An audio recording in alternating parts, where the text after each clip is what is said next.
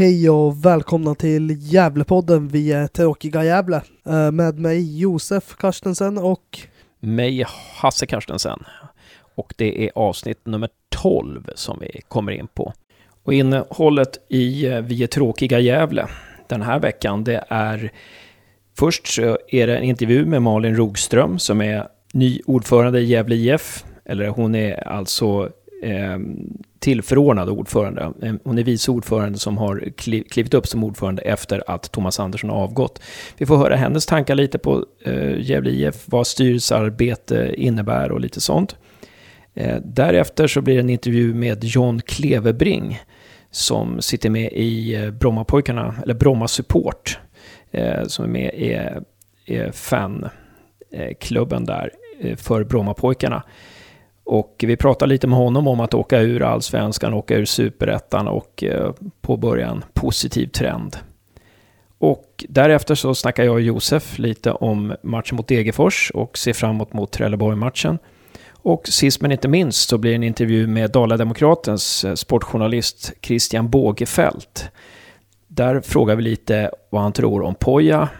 Eh, han har ju följt, varit med på en träningsläger tillsammans med spelarna Poja och berätta lite om Poja som tränare och vad han tror om Gävle framöver.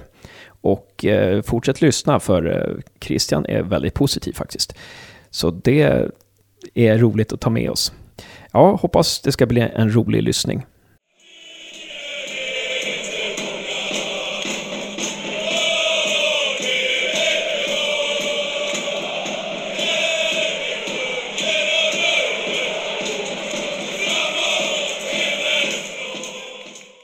Ja, men vad kul! Malin Rogström, välkommen till eh, Gävlepodden.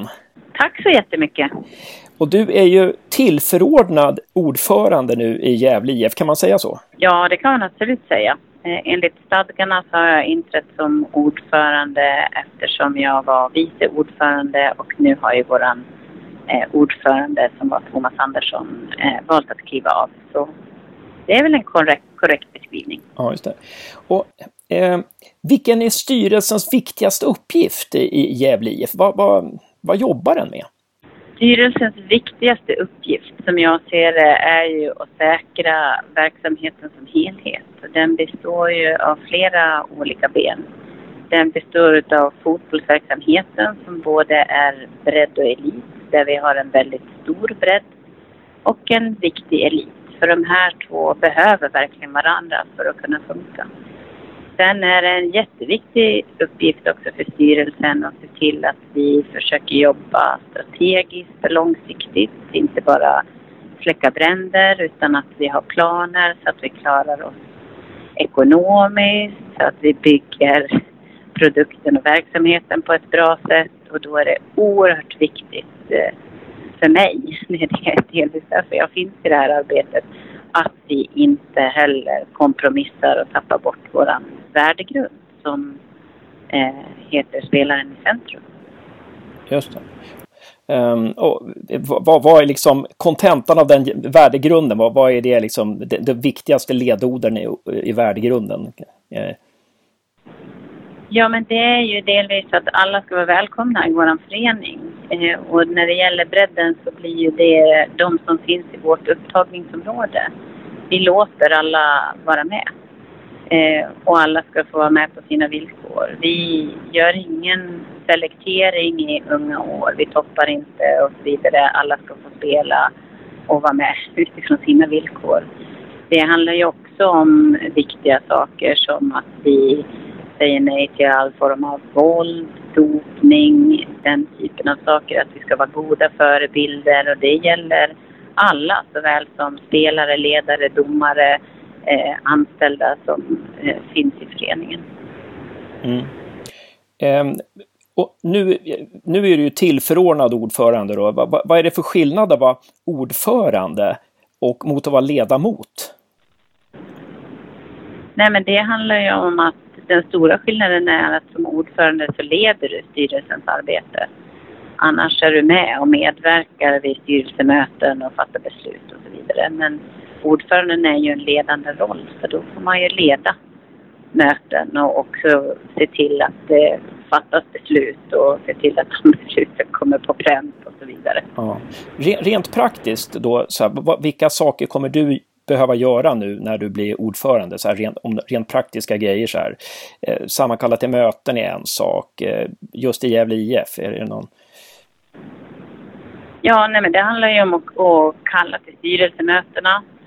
Se till att de eh, sker så som sig bör. Eh, sätta ihop agendan för styrelsemötena. Se till att eh, protokoll och beslut ser ut som eh, de togs på styrelsemötena. Men det handlar ju jättemycket också om att stötta eh, aktivt. Men det, det anser jag är hela styrelsens uppgift. Att stötta de ledare, spelare, eh, kanslipersonal som finns i föreningen och att verka genom eh, den klubbdirektör som finns och ge honom riktlinjer eh, att jobba efter, både kortsiktigt och långsiktigt. Ja, just det. Så, du, du, så du, styr, du och styrelsen är ganska viktiga då för att stötta de andra i, i Gävle IF. Hur, på vilket sätt kan ni stötta klubbdirektör eh, eh, och spelare i, i nuläget? Något konkret som, ni kan, som du kan ta fram där? Ja, men det handlar väl delvis genom att, hur stöttar man varandra? Det handlar om att man pratar med varandra och lyssnar på varandra förstås. Att det finns en lyhördhet eh, och därmed också en närvaro. Jag menar, man kan prata med varandra på telefon eller träffas jag tror att man också behöver se varandra och träffas för att skapa och bygga förtroende och så vidare. Men eh, ur, ur styrelsens uppgift är det ju att fatta beslut som vi tror är riktiga för föreningen och sen också vaka över och se till att de besluten genomförs på ett så bra sätt som möjligt. Eh, och jag tycker också att det finns ett ansvar hos styrelsen att förändringstakten i föreningen också blir eh, anpassad efter den organisation som det är. Eh, att vi försöker ta ansvar för helheten och se till så att det funkar. Mm. Du har ju varit styrelseledamot i drygt ett år, va? Eh, stämmer det? Ja, eh, mars, stämmer. Mars, för... mars förra året. Ja, precis.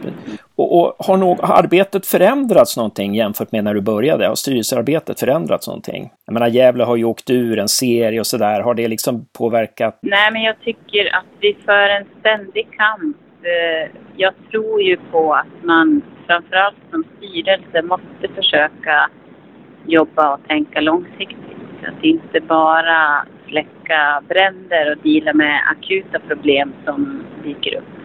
I den bästa av världar ska det finnas riktlinjer, handlingsplaner, strategier, mål som gör att alla de som är anställda i föreningen vet vad de ska göra och vet vad de ska jobba med, både på kort och på lång sikt. Men det som jag väl kan se och som jag tycker är utmaningen för vår styrelse och vår verksamhet överlag, det är att vi hamnar väldigt mycket i brandsläckningen. Vi hamnar i väldigt mycket akuta åtgärder som vi måste dela med och ta i. Så det tycker jag är den största kampen, att, att föra det långsiktiga strategiska arbetet framåt. För jag är helt övertygad och tror att det är det som borgar för långsiktigt välmående eh, förening som presterar goda resultat. Mm. Ja, att det har varit lite liksom turbulent på slutet senaste och senaste året och att det är viktigt att jobba långsiktigt. Blir det extra svårt med det nu när, när liksom tränare har gått och ordförande har gått och Gävle ligger i botten?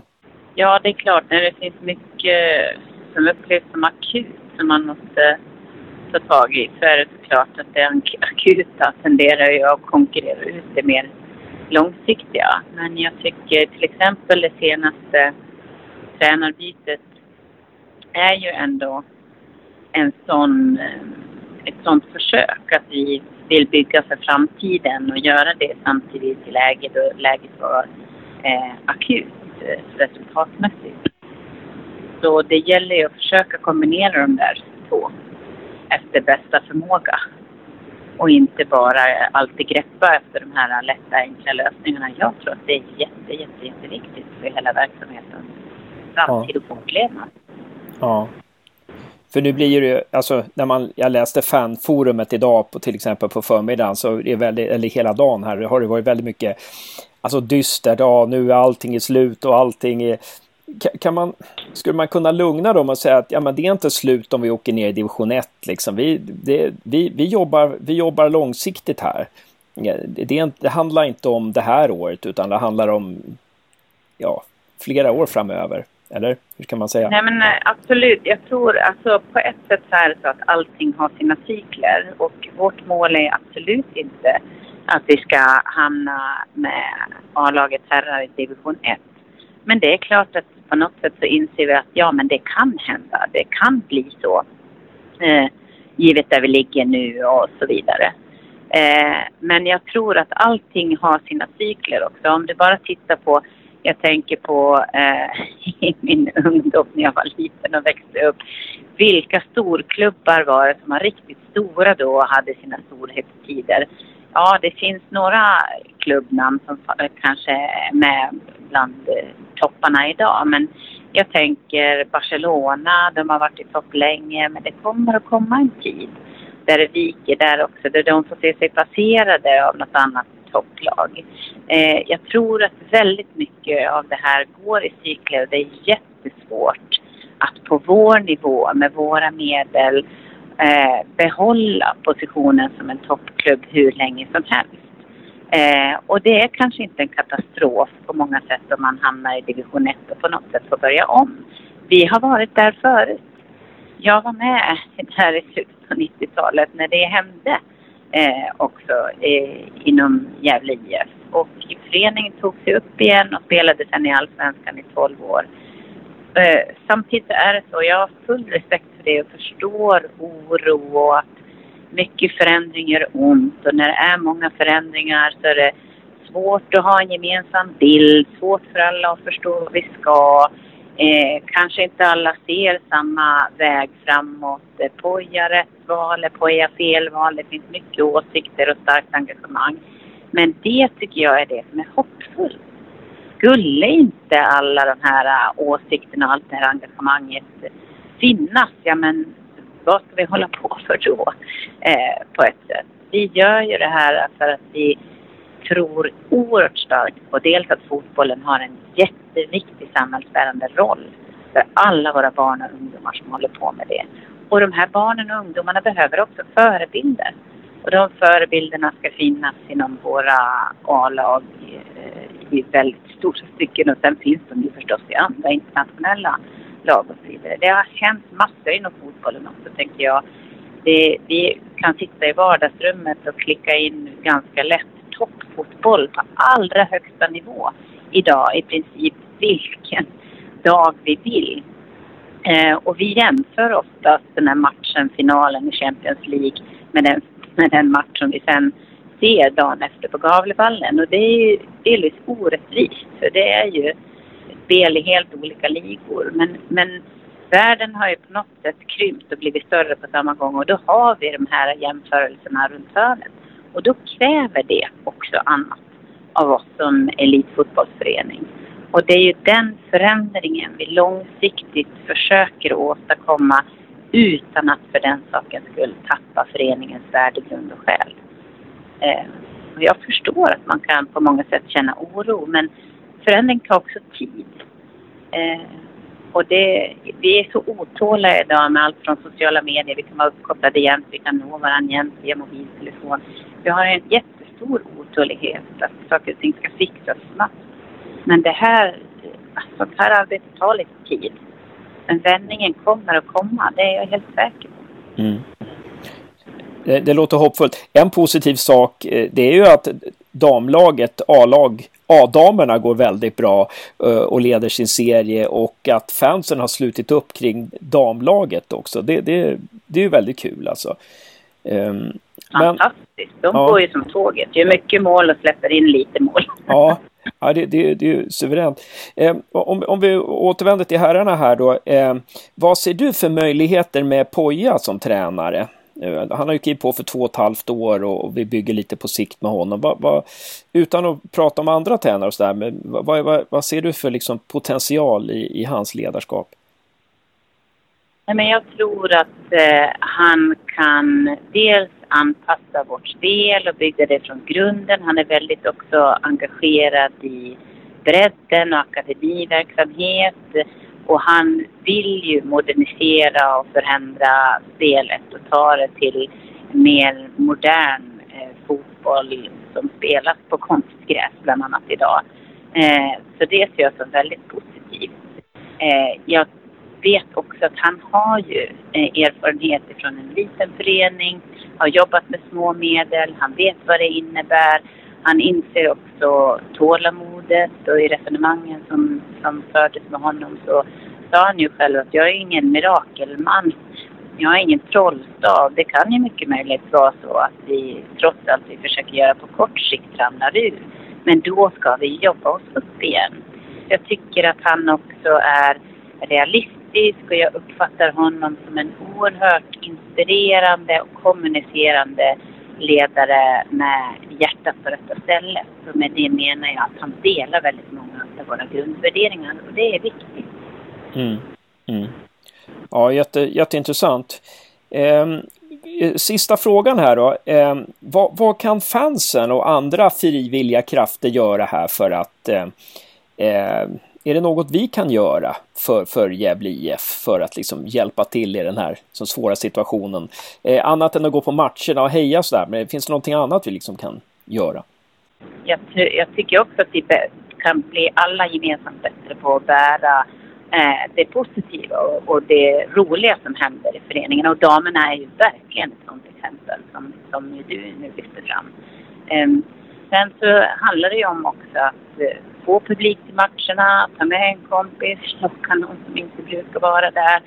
Hjälp oss också att jobba mot grupper som vi inte når idag. Jag tänker att vi har väldigt många barn och ungdomar av annan här kom en svensk i vår förening och det är fantastiskt. De är en stor tillgång. Men vi skulle vilja ha dit deras föräldrar, deras familjer, engagera dem som ledare, höra dem på läktaren, få in det mer i föreningen också. För jag är helt övertygad om att jag tror att det finns eh, stora risker med alltför homogena grupper. Då stannar utvecklingen och då hittar vi inte på de här nya eh, nyskapande, ekonomiskt bärande idéerna. Sen det måste vi göra tillsammans med människor som är olika oss. Det handlar inte alls bara om etnicitet. Det kan handla både om ålder och kön och vad du har för utbildning och så vidare. Jag tror att vi måste bli bättre tillsammans på att fånga människor mer brett som både vill komma och titta på matcherna men också engagera eh, sig hos oss. Så det tror jag att vi alla skulle kunna faktiskt hjälpa till eh, att göra. Och man måste inte gå all in i Gävle IF och jobba 100 procent utan det finns många små uppgifter som man kan tänkas göra. Så jag tänker att bara ta kontakt och säga jag är bra på det här, kan jag hjälpa till med det? är oerhört välkommet.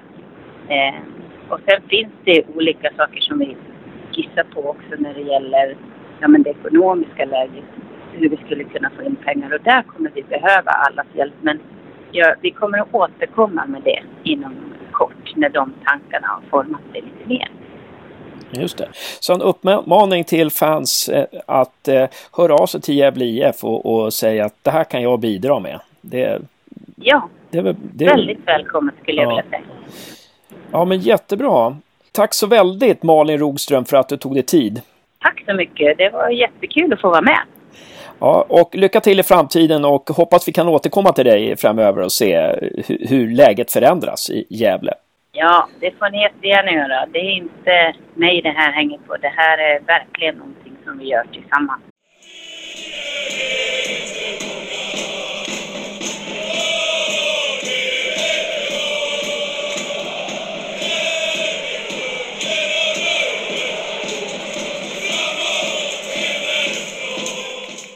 Så välkommen till Gävlepodden, John Klevebring. Ja, tackar så mycket. Tackar så mycket. Det är alltid trevligt att eh, ha med Gävle att göra, ska jag väl säga. Eh, ja. Vi har varit uppe två gånger nu i år i era nya jättefina arena som jag håller som en av Sveriges bästa nybyggda. Det är så nära plan som man kommer där, måste jag bara lägga in här. Ja, vad Hoppas kul. Hoppas spela längre upp nästa år. Då. Ja, ja, precis. Och ni har väl en ny arena på gång, va? Eller är den klar? Eh, nej, vi har, vi har en ny läktare som invigdes här eh, i första omgången. Och eh, där har vi ju eh, lite slutbesiktningar och sånt där som det alltid är på saker som är nybyggda nu för tiden. Just det. Så Eh. att eh, jag, jag tror att det är pressrummet som inte är färdigbesiktigat. Ja. Ungefär. För, för den här, det är en ny långsidesläktare eller som är mitt emot den här eh, Ja, gamla eller? Ja precis, precis. Det är, eh, den enda som inte riktigt gillar den, det är ju jag ser ju inte längre mittcirkeln från eh, mitt fönster där jag sitter här nu eh, hemma. Utan det, nu, nu står det läktare i vägen så att eh, jag, jag kan se bort i hörnflaggan där borta vid sektion A där vi brukar stå. Ja, det är ju dåligt. Alltså, det är ju dåligt att de inte tar sånt i beaktande. Va? Det är, så där, där är ju skärpning. Alltså. Ehm, Ja, ja men det är rena kraven vet du. ja, just det. Ehm, ja, men det. Ja, men det är ju bra. Men kortsidan är ungefär som förut, eller? På Grimsta där? Eh, ja, vi har ju haft eh, eh, lite olika under åren. Eh, när vi var uppe i Allsvenskan först hade vi tillfälliga läktare på bortre långsidan. Och de har tagits ner, de finns inte nu. Utan då är det eh, kortsidan närmast klubbhuset som vi har en bortasektion på.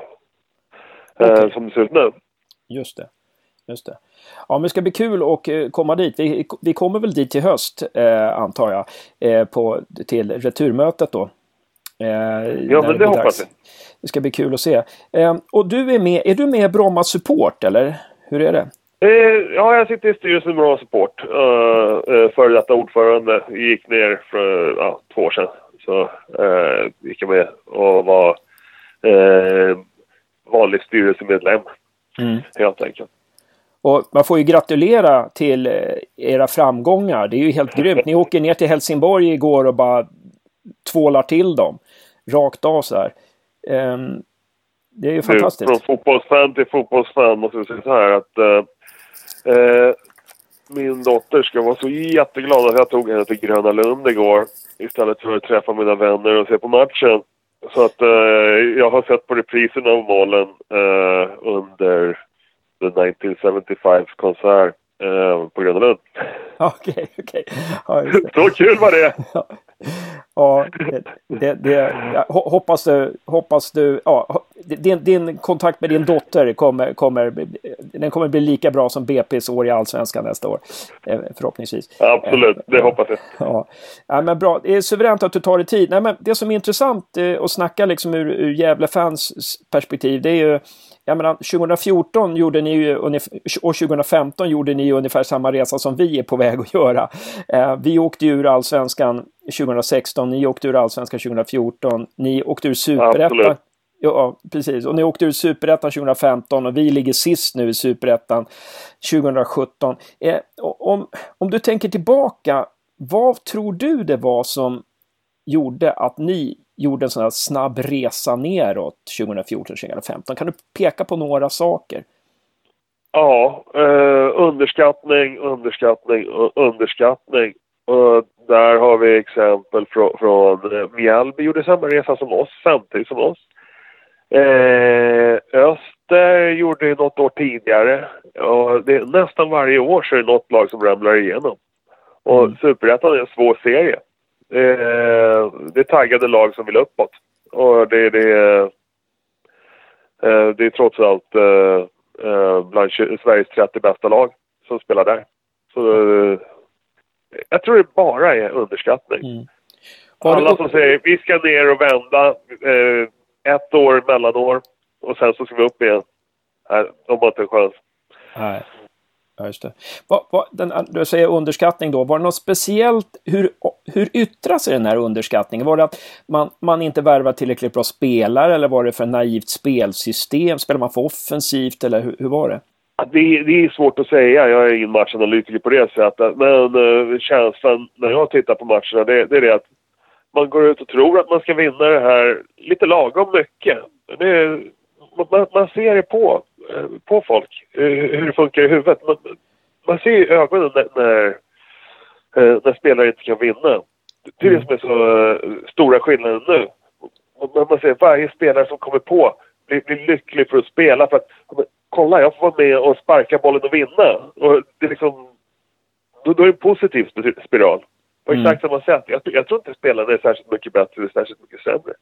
Sen har vi gjort kanonvärvningar. Det, det, det ska vi inte sticka under stol med. Men, men eh, det sitter mycket mer i huvudet. Ja, det är intressant. Det är intressant alltså. Men, och sen så åkte ni ner i division 1 där då och var i division 1 ett år va bara? Ni gick upp direkt därifrån?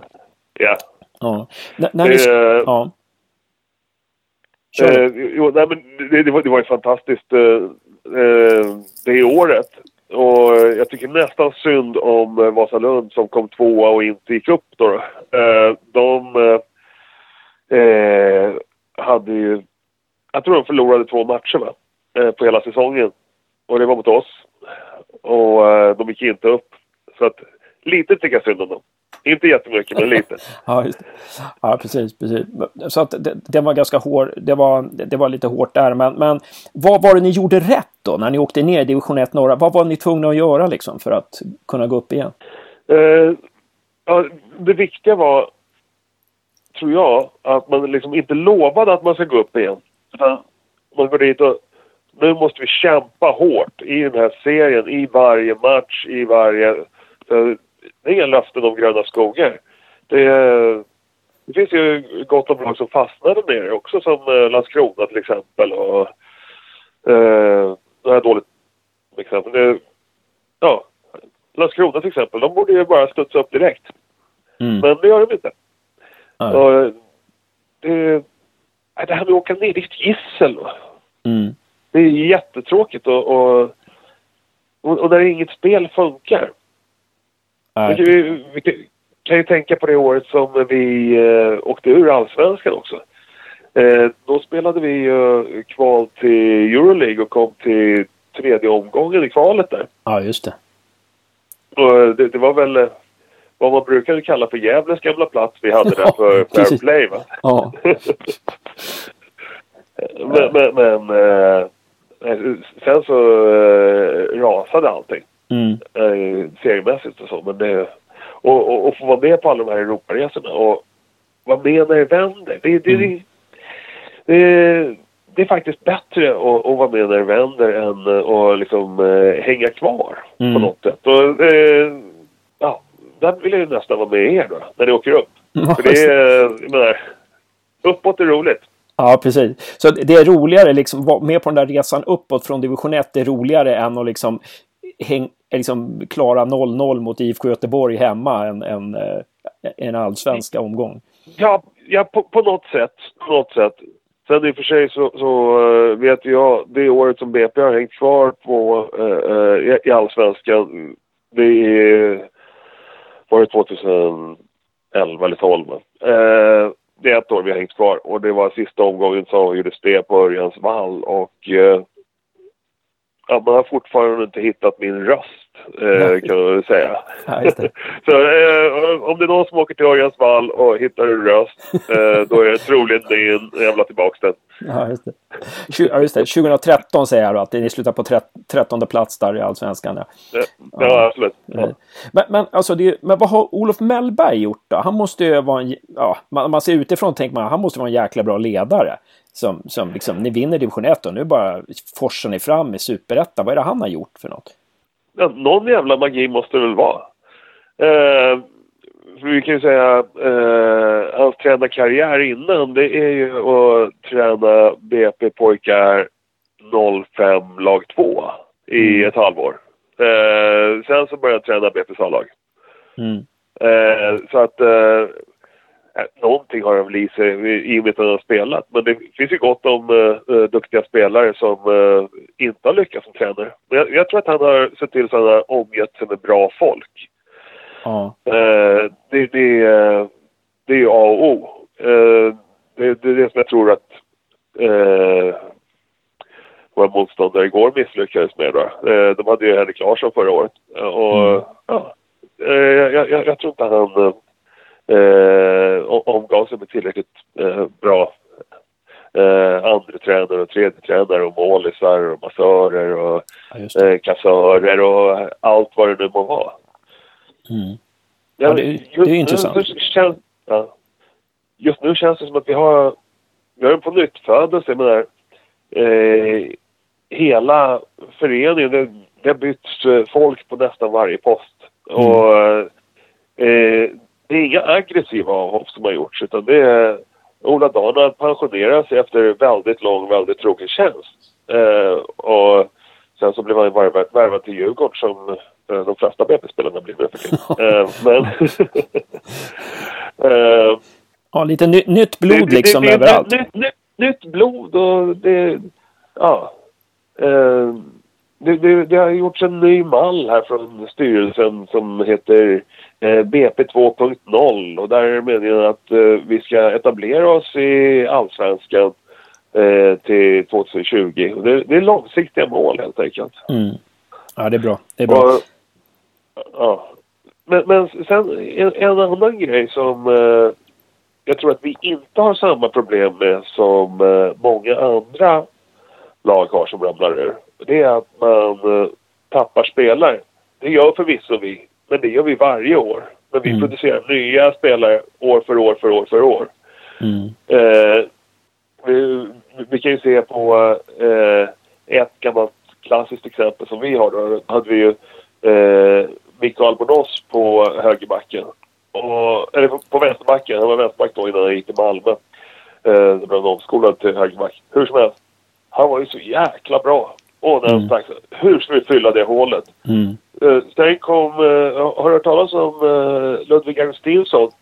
Ja, just det. Ja. Han kom ja, efter honom alltså? Ja. Han kom efter honom där på den platsen. Och ja, det fylls på och fylls på helt enkelt. Så ja. att, sen är det tråkigt när, när det blir för många som sticker för, för lite för tidigt för A-laget skulle jag vilja säga. Som det hade ju varit kul att se Joel Asoro eh, ett år här hemma innan han stack iväg. Men ja, mm. man kan ju inte få allt. Ja, precis. Ja, men Bahoui, Nabil Bahoui har ni också haft. Liksom. Det, är, det är otroliga Absolut. spelare. Liksom, så det, man kan räkna upp hur många som helst. Men, ja, eh, och eh, för att inte tala om, vi har en hemvändare också. Eh, Anders Båt. Just det, precis. Men, ja. men hur, det var ju bra att du tog upp det. Det hade jag glömt bort. Det är ju, jag, jag kommer ihåg det nu när du säger. Men hur, hur, hur ser han ut på de, de få minuter han har spelat? Uh, ja, han kämpar som tid som sagt. Men det, just nu så är han ju lite stel fortfarande i, i, i rörelserna. Men jag tror att han kan ta och uh, trampa på lite och, uh, och komma in i det. Mm. det handlar mycket, vi, vi, har ju mycket boll, uh, vårdar bollen mycket. Då, då måste man bli kompisar allihopa på något sätt. Mm. Och det tar just det. Ja, just det. Så, vissa kommer in i det eh, på tre sekunder. Eh, som eh, Marcus Gustafsson som vi fick in här för något år sedan. Mm. Eh, vissa tar lite längre tid men eh, har man bara fått, eh, fått till det här ett tag så. Mm. Men, men, men som jag har hört det var några som var lite, lite tveksamma till Brandebo när han först kom in. Han är en av de absolut viktigaste spelare i år. Ja. Och, och men, Eh, han, han värvades inför eh, eh, division 1 då. Mm. Så att det, ja. Och, och, och, och, ja, det är väl en division 1 ja. Nej, men, han kommer vara en bra allsvensk värvning eh, nästa år. Ja. Ja, det är ju suveränt. Jag har för mig att ni tappade två spelare precis före seriestartet för folk som var ryckte i, i jag tror Djurgården varvade någon. Och... Ja, då. Och då tänkte man, det här kommer ju aldrig gå liksom. Men ändå så, ni bara kör på. Ja, jo men eh, eh om man tappar eh, den enda eh, svenska spelaren som eh, har spelat Afrikanska mästerskapen samma år som han spelar i eh, division 1 så eh, kan det betyda en del. Men som junior då. Eh, mm. Han gick ju till Hammarby och har varit bra där och tagit plats på deras eh, mittfält efter jag förstått. Eh, jag följer inte han riktigt lika mycket nu som jag gjorde eh, förra året och åren innan det kan man väl säga. Men, men eh, efter jag förstått så, så har han varit bra. Mm. Och sen har vi ju eh, eh, Djurgårdens stjärnskott som de säger. Eh, det, det är Felix Beijmo. Eh, han, eh, ja, Eh, ryktena säger väl att de har ryck från bra många stora eh, klubbar i honom också. Mm. Ja, det, det, eh. det, är fascinerande alltså. Ja, det, det, är helt, det är helt otroligt. Jag tycker det är helt otroligt alltså. Eh, det, och, och, ni har ju blivit många fler. Alltså när ni var, var spelade mot Gävle här för några veckor sedan, då var ni ju otroligt många på bortaläktaren. Jag tror aldrig jag sett så många BP-fans någon gång. Det måste ju ha inneburit ett lyft det här, vändningen på något vis för, för supportrarna också på något vis. När det blivit fler. Uh, ja, det, det, det, det har blivit tydligare. Det, det, det har varit en, en långsiktig grej. Vi har inte velat uh, ha någon snabbväxande. Vi har velat bli tydligare med att markera våran plats, att vi är på plats kan man väl säga. Ja, vi märks mer, vi syns mer och eh, jag håller på och eh, eh författar ett brev i talande stund till Helsingborgs organisation för att de sa åt eh, Anders Ung väldigt aggressivt att sätta sig ner när han eh, reste på sig och jublade eh, en av de fyra gångerna eh, igår. Eh, en av deras vakter som ville kasta ut honom helt enkelt eh, från matchen. Ja, men herregud. Ja, herregud. Det, det, det, det, de, de, de vill inte ha någon borta supportrar överhuvudtaget. Och är man där så ska man hålla käften. Det som är roligt med att dissa Helsingborg det är att eh, eh, det finns så många Malmö-folk som gillar det. Ja, just det. Just det. Man, man, tycker att Helsingborg kanske borde uh, kolla upp sina egna fans lite istället. Um, det kan man väl säga. Ja, men det, det, det, ska bli intressant. Intressant att följa den. Se om den, någonting av den, kommer den brevväxlingen bli officiell på något vis tror du? Eller på svenska fans eller något sånt där? Eller kommer det bara? Det, det funderar vi fortfarande på. Uh, om, vi bara ska skicka det till uh, Helsingborg och till BP och till SEF eller om vi ska lägga ut det som ett öppet brev. Det, mm. det får vi se hur bra formuleringsförmåga jag har helt ja, enkelt. Eh, såg du matchen Gävle-BP här för några veckor sedan eller? Ja visst, vi var uppe där. Vi, vi, ja. vi åkte i buss upp här och... Ja, visst ja, du sa ju det. Du berömde ju arenan för tusan eh, i början. Ja, ja. eh, men vad tycker du om Gävle då? Du tyckte arenan var bra så här och det, det håller jag med om. Det är jäkla bra. Det, det, det, alltså, det är ju... Eh, det är bra lutning på kortsidorna, alltså man ser ju bra och det är bra ja, akustik och, och sådana där grejer. Så att, eh, Ja, och, och, och, och, man står ju och har eh, eh linjedomaren där i knähöjd. Och, alltså, mm. Eh, jag tycker inte man ser, ser fotboll bättre på någon arena i Sverige. Ah. Det, det är jag rätt. Det skulle vara lite mer ståplats då kanske, men... Ah. Eh, ja. Men vad tycker du om Gävle? Det skulle vara intressant liksom för Gävle-supporter. Hur, vad tycker du om Gävle? Ja, eh, det är svårt att säga rätt av sådär. Eh, jag har ju bara sett det i... Eh, var det i år vi spelade i cupen ja. mot er, eller var det förra året? Eh, det var nog förra året, för att i år spelar vi bara träningsmatch. Ja. Ja, just det. Ja, nej, nej, då, ska, då ska jag inte dra upp den matchen förra året, för då tyckte jag att ni var bra.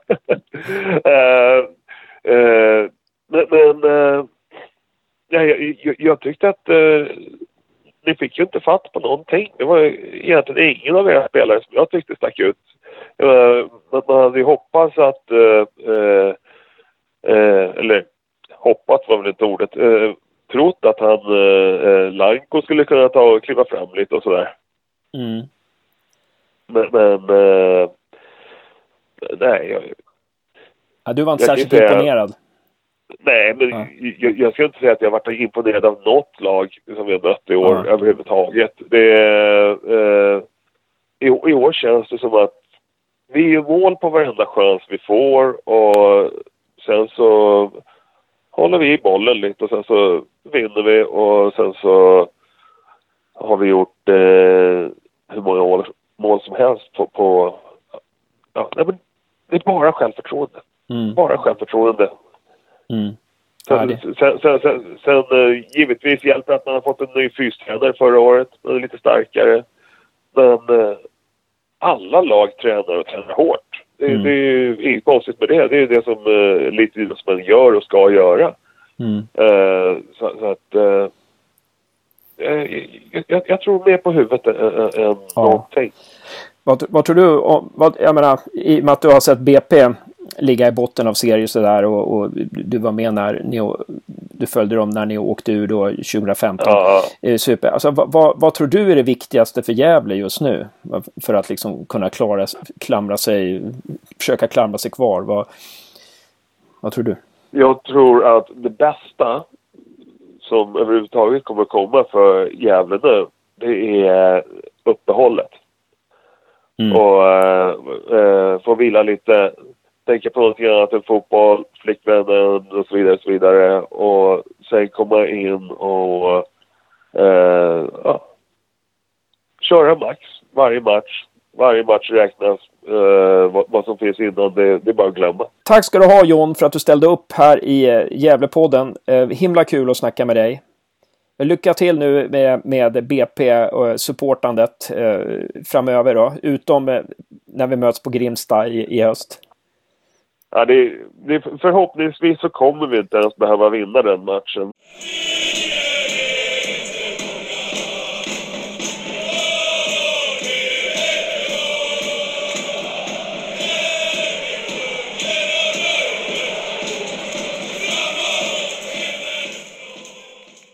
Ehm, ja, Josef, du såg hela matchen mellan Gävle IF och Degerfors. Eh, TV-versionen, vad säger du? Jag missade de fem sista minuterna.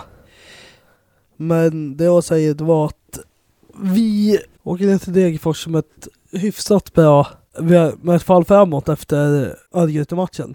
Och sen börjar försvarsmissen. Alltså vi hamnar i underläge direkt. På ett inlägg som är relativt ofarligt. Högerkanten hade inte full koll på det. Och så, så får vi arbeta uppförsbacke och det klarar inte vårt psyke just nu. Så det är synd att matchen dör nästan tionde minuten. För vi hit... Sen kommer vi inte någon riktigt farlig målchans. Och 2-0, agerandet på det är ju också diskutabelt. På vilket sätt då? Alltså, jag vet inte, det finns en linje i straffområdet vid målet. När man lägger bollen för indirekta frisparkar. Tror jag det är. Bollen slås ungefär där och August står kvar på linjen istället för att gå ut och plocka ner Så man blir lite förvånad över att det var, så, det var som att se Hedvall igen. Fastfrusen på linjen. Och vi kom inte under hela matchen till något sånt här farligt läge. Nej. Så det var tråkigt. Det var en jobbig match. Ja. Ehm, jag såg ju bara första halvlek. Jag mådde alltså fysiskt dåligt. Jag, jag mår så fysiskt dåligt nu för tiden så jag kan inte se matchen. Jag var tvungen att göra någonting annat. Jag satt i mitt annat rum och hörde liksom kommentatorerna eh, inifrån vardagsrummet där och hörde Josefs och eh, kompisars eh, rop där inifrån.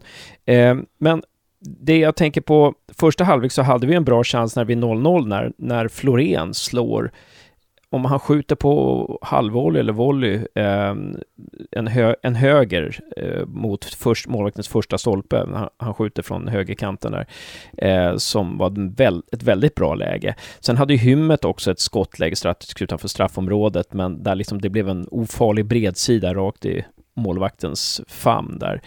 Eh, så att jag tyckte ändå att eh, spelet var hyfsat i första halvlek. Det var ju inget Norby borta där Norby hade 8-1 i målchanser eller 8-1 i skott på mål mot oss, utan det var ju en ganska jämn halvlek. Så på det viset så, så är vi ju så tycker jag ändå att spelet ser kompetent ut nu. Vi släpper inte in målchans på målchans, vi vågar gå tätare på motståndarna eh, och eh, ja, eh, det, det som är är väl att det, det är ju inte så bra att vi att vi är lite, att truppen är så sargad nu, att Ljungberg har gått ut med ljumskar, att Bonsu är, eh, sitter i fängelse.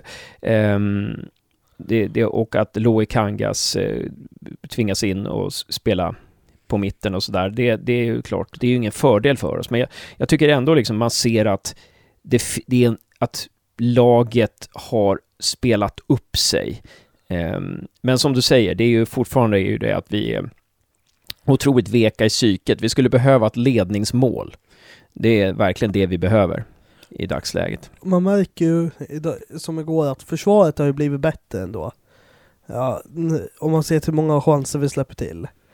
Men anfallsspelet är ju nästan helt osynligt just nu. Vi kommer ju knappt några lägen idag och vi hade ett läge, ett ordentligt läge mot Örgryte.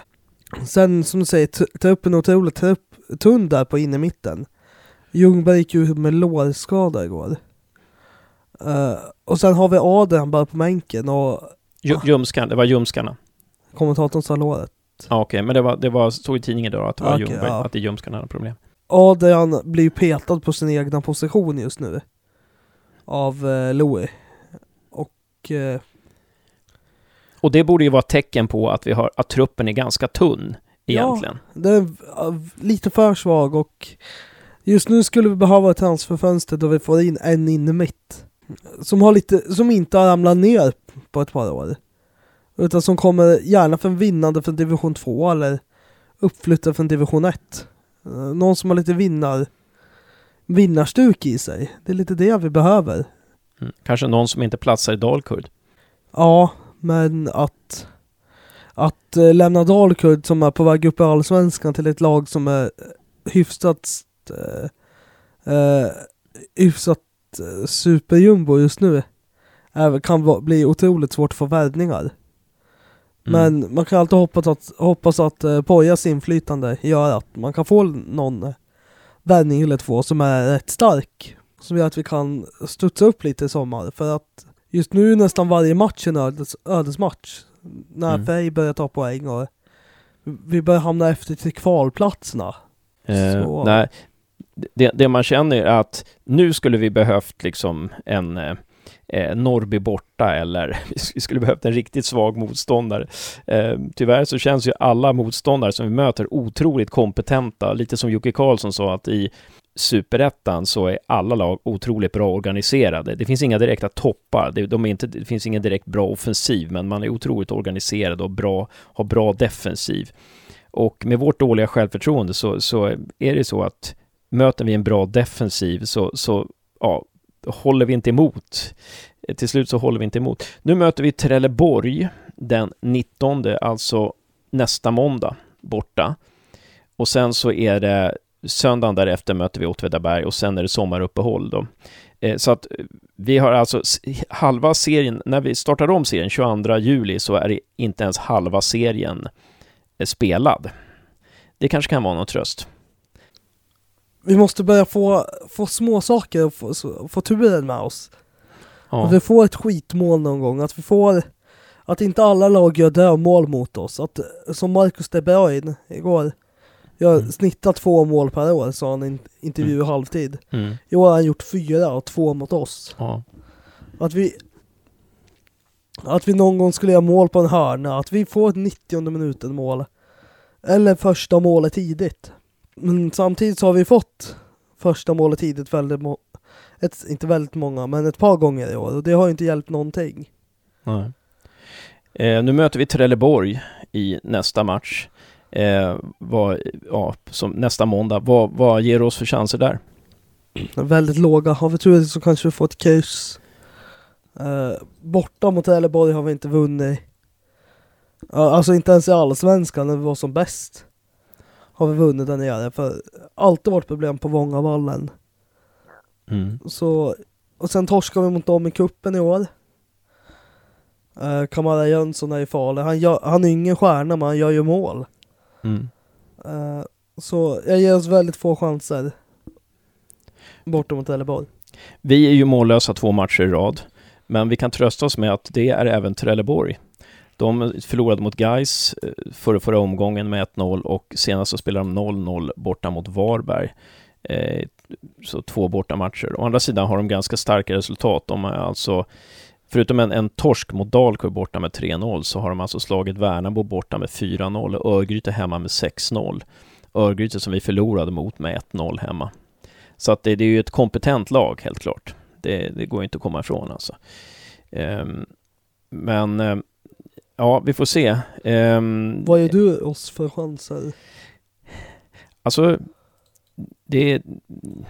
Jag, jag, jag, alltså det är som du säger så här, att om vi kunde få lite tur med oss, om vi kunde få ett lite medflyt, att vi några studsar med oss, så kanske allting vänder. Eh, för jag tror faktiskt att det är lite så som man, man måste ha. Eh, men förhoppningen är ju också att Poja har fått jobba ännu lite mer med truppen. Eh, han sa i tidningen att han haft fem träningar med truppen hittills. Fem träningar på tio dagar. Det låter lite lågt, men det, det var det i alla fall som ehm, de hade haft och eh, man såg ju lite att anfallsspelet, att de hade jobbat lite med anfallsspelet. Mycket crossbollar körde de ju ut på kanterna till exempel. Eh, vi kan ju också hoppas att Ljungberg är frisk ehm, och eh, att ja, Pojas... De har ju nio dagar nu mellan de här två matcherna. Att, att Pojas eh, eh, tankar har liksom fått slå rot ännu mer. Det är det, att, att försvaret har blivit ännu mer organiserat. Man ser att nu jobbar de ju med en blandning av positionsförsvar och eh, så här man-man eller vad man ska säga. Eh, man såg att det var vissa spelare som följde sin spelare helt enkelt. Men samtidigt så är det ju just nu försvaret är helt okej. Okay. Alltså två mål, ett, två mål ska man kunna släppa in varje match ändå och eh, kunna ta poäng.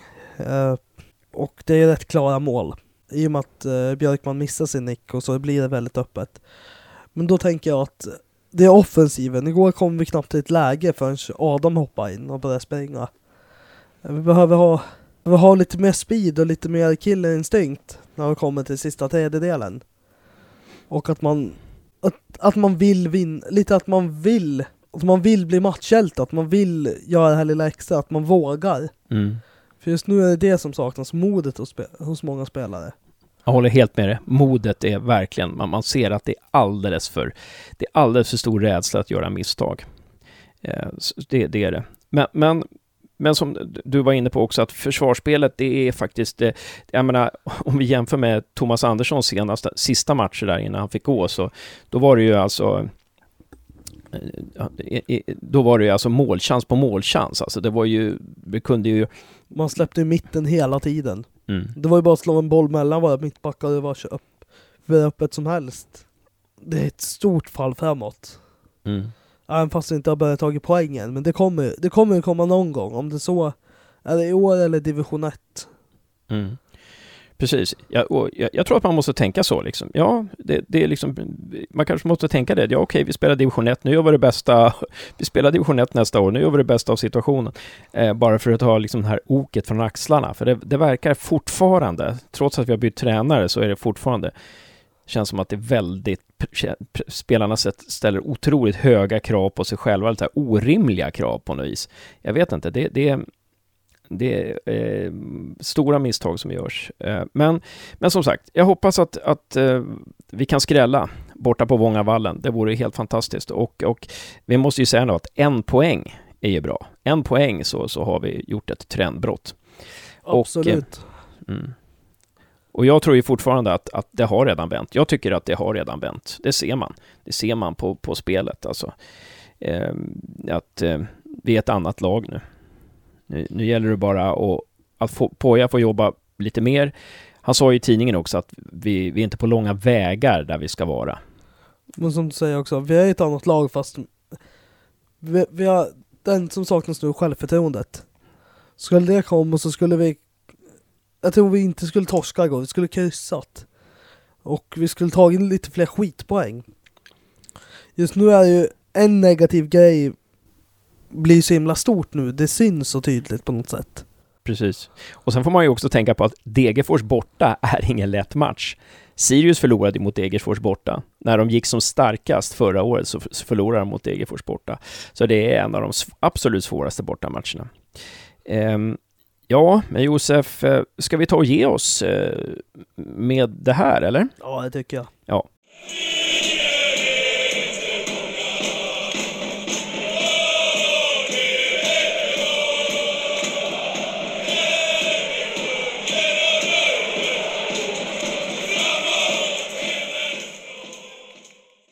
Välkommen till Gävlepodden, Christian Bågefelt. Tack så mycket. Kul att vara med. Du är sportreporter på Dala-Demokraten och när jag kollat runt med folk där på Dala-Demokraten och Mittmedia så, så återkommer de till att det är Christian du ska prata med. Så det känns skönt att vara på rätt plats nu. ja, jag har väl följt, eh, eller följer väl Dalkurd ganska nära och har gjort eh, de senaste åren så att eh, det är nog inte helt fel i alla fall. Så sett, det tror jag. Eh, men det är kul och det som vi vill undra, det, är, det som vi undrar, det är vi skulle vilja veta lite mer om Poya Asbaghi då, som har varit hos er sen, eller hos Dalkurd sedan 2014 och eh, ehm, eh, ja, du, du har ju följt Dalkurd på nära håll i flera år. Eh, så, vad jag förstod så, så, när Andreas Brännström tog över som tränare då 2014 i Dalkurd så tog han med sig på Asbaghi som assisterande då. Stämmer det eller? Ja, det stämmer ju bra. Det var ju då Brännan, eller Andreas Brännström som blev klar först och sen så dröjde det väl inte allt för länge innan Poja också blev klar då som assisterande och de kände ju varandra sedan tidigare då, då i och med att eh, Brännström hade haft honom som assisterande även i AFC då, eh, året innan, AFC United.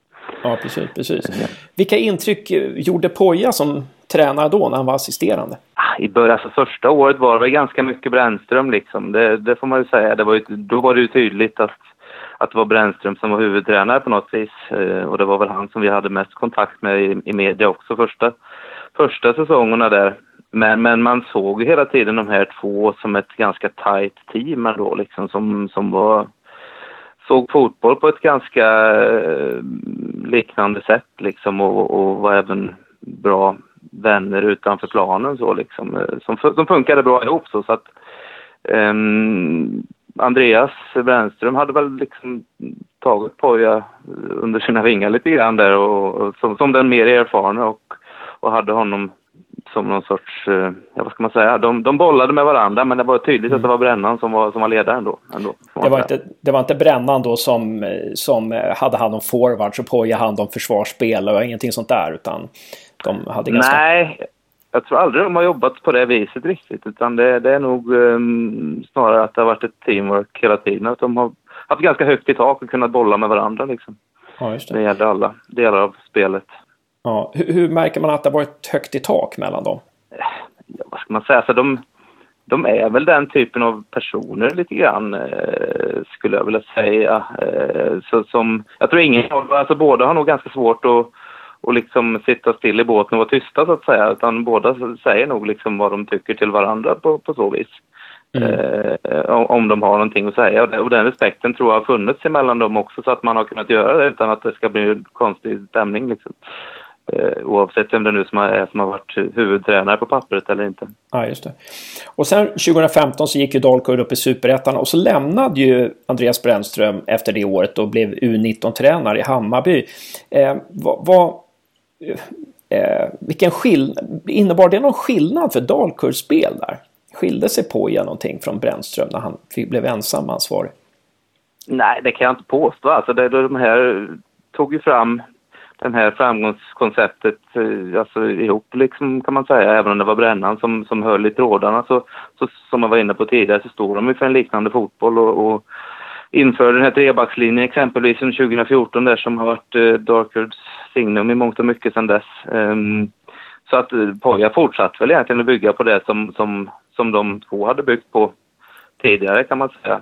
Ja. Uh, fast det var en, en nivå till då, på superettan då. Så att, att spelmässigt kan jag inte påstå att, att, eh, att det skilde sig nämnvärt uh, om man ser till hur de ville spela fotboll. Ja, just det. Är det någonting mer som, som skilde, eller är det någonting mer som, som du säger, eh, eh, kännetecknade Dalkurds spel då än den här trebackslinjen? Vad kan man säga är Pojas och Brännans eh, sätt att tänka fotboll?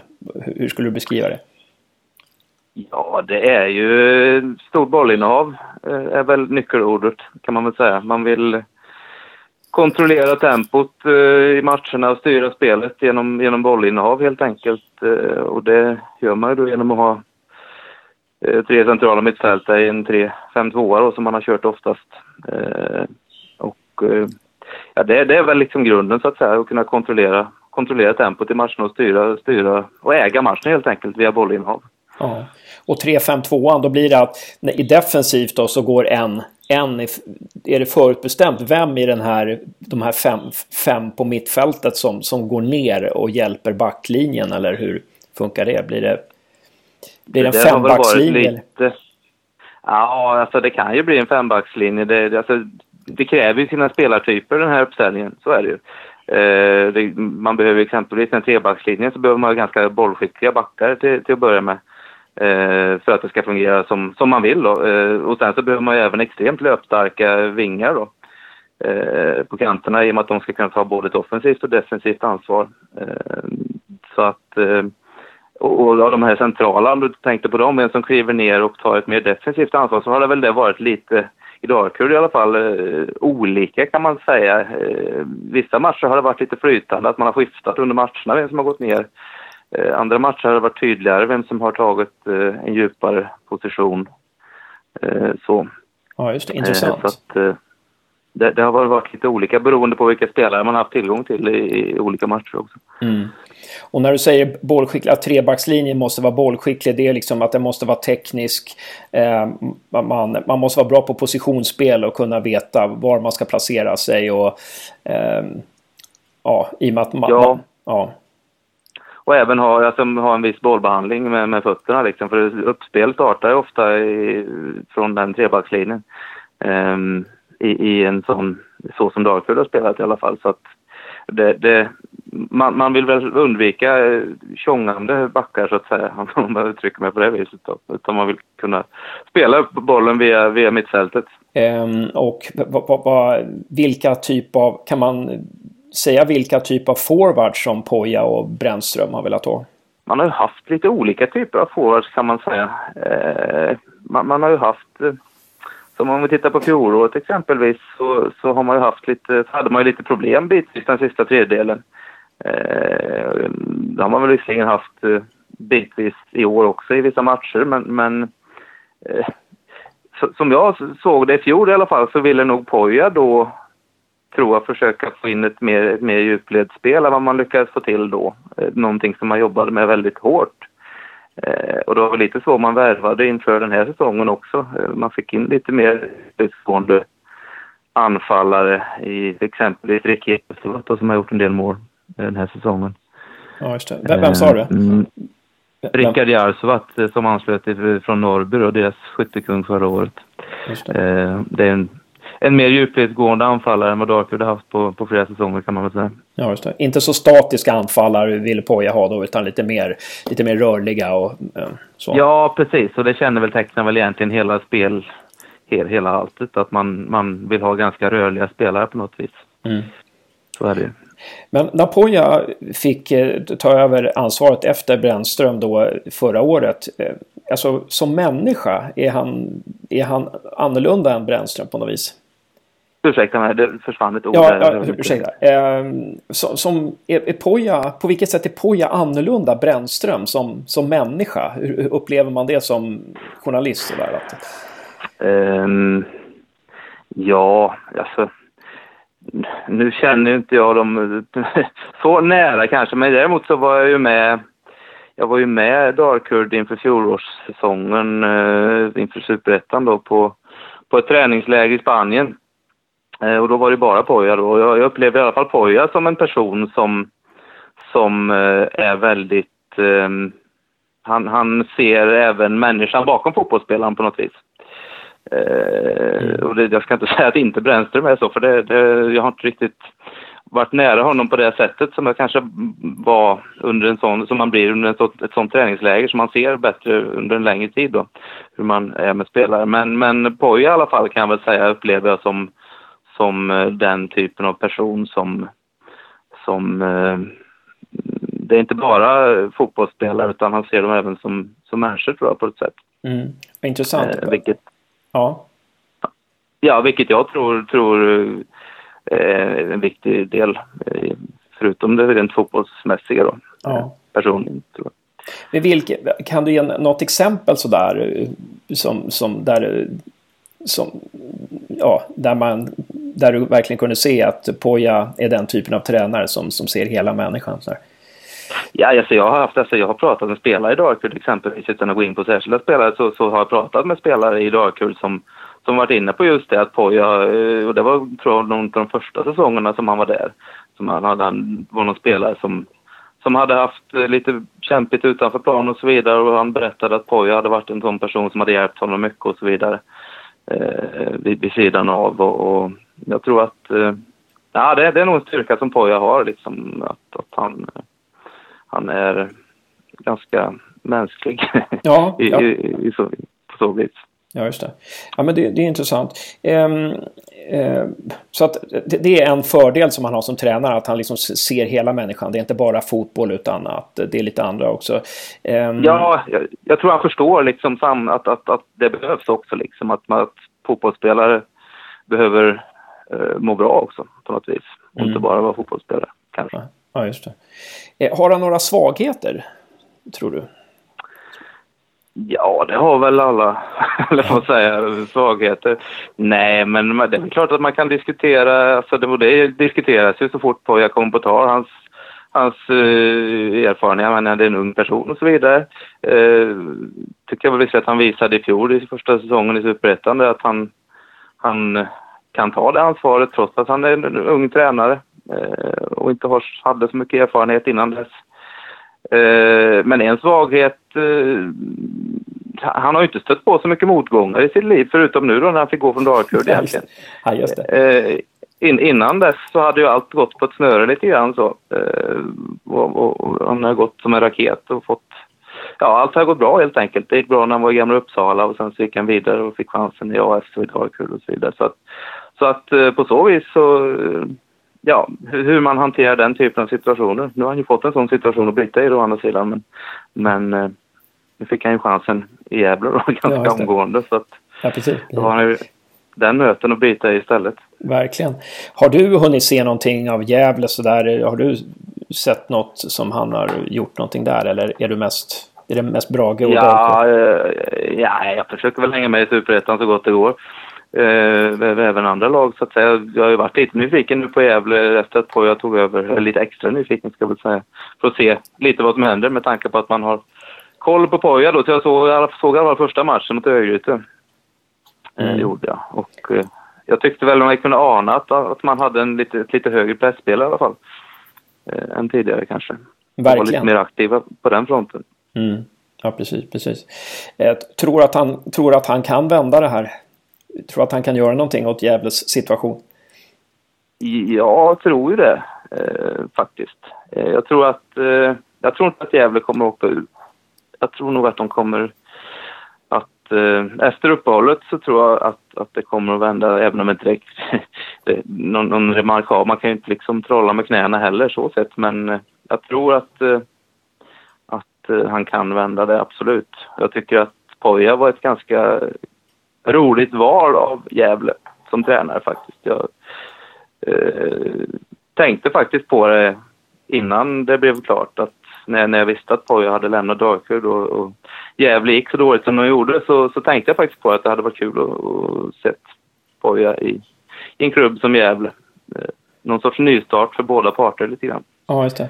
det. Det, som du tycker att det är kul att han går till Gävle, är det det här med att Gävle var varit så väldigt mycket 4-4-2 och, och eh, säkra bakåt och allt det där under de sista dryga tio åren? Att det blir någonting annat? Ja, lite, lite så faktiskt. Man kan bygga någonting helt nytt. Sen, eh, jag menar, eh, och som sagt, man, man kan se det ganska långsiktigt med en person som Poja också med tanke på att han är 30 år eller vad är han, den tiden. Mm. Eh, så, så, så ger man honom chansen att bygga någonting nytt och fräscht på något vis, vilket jag tycker var ganska kul eh, i Gävles del. Och det är ju lite så som, som du säger att, att Gävle har väl en stämpel på sig.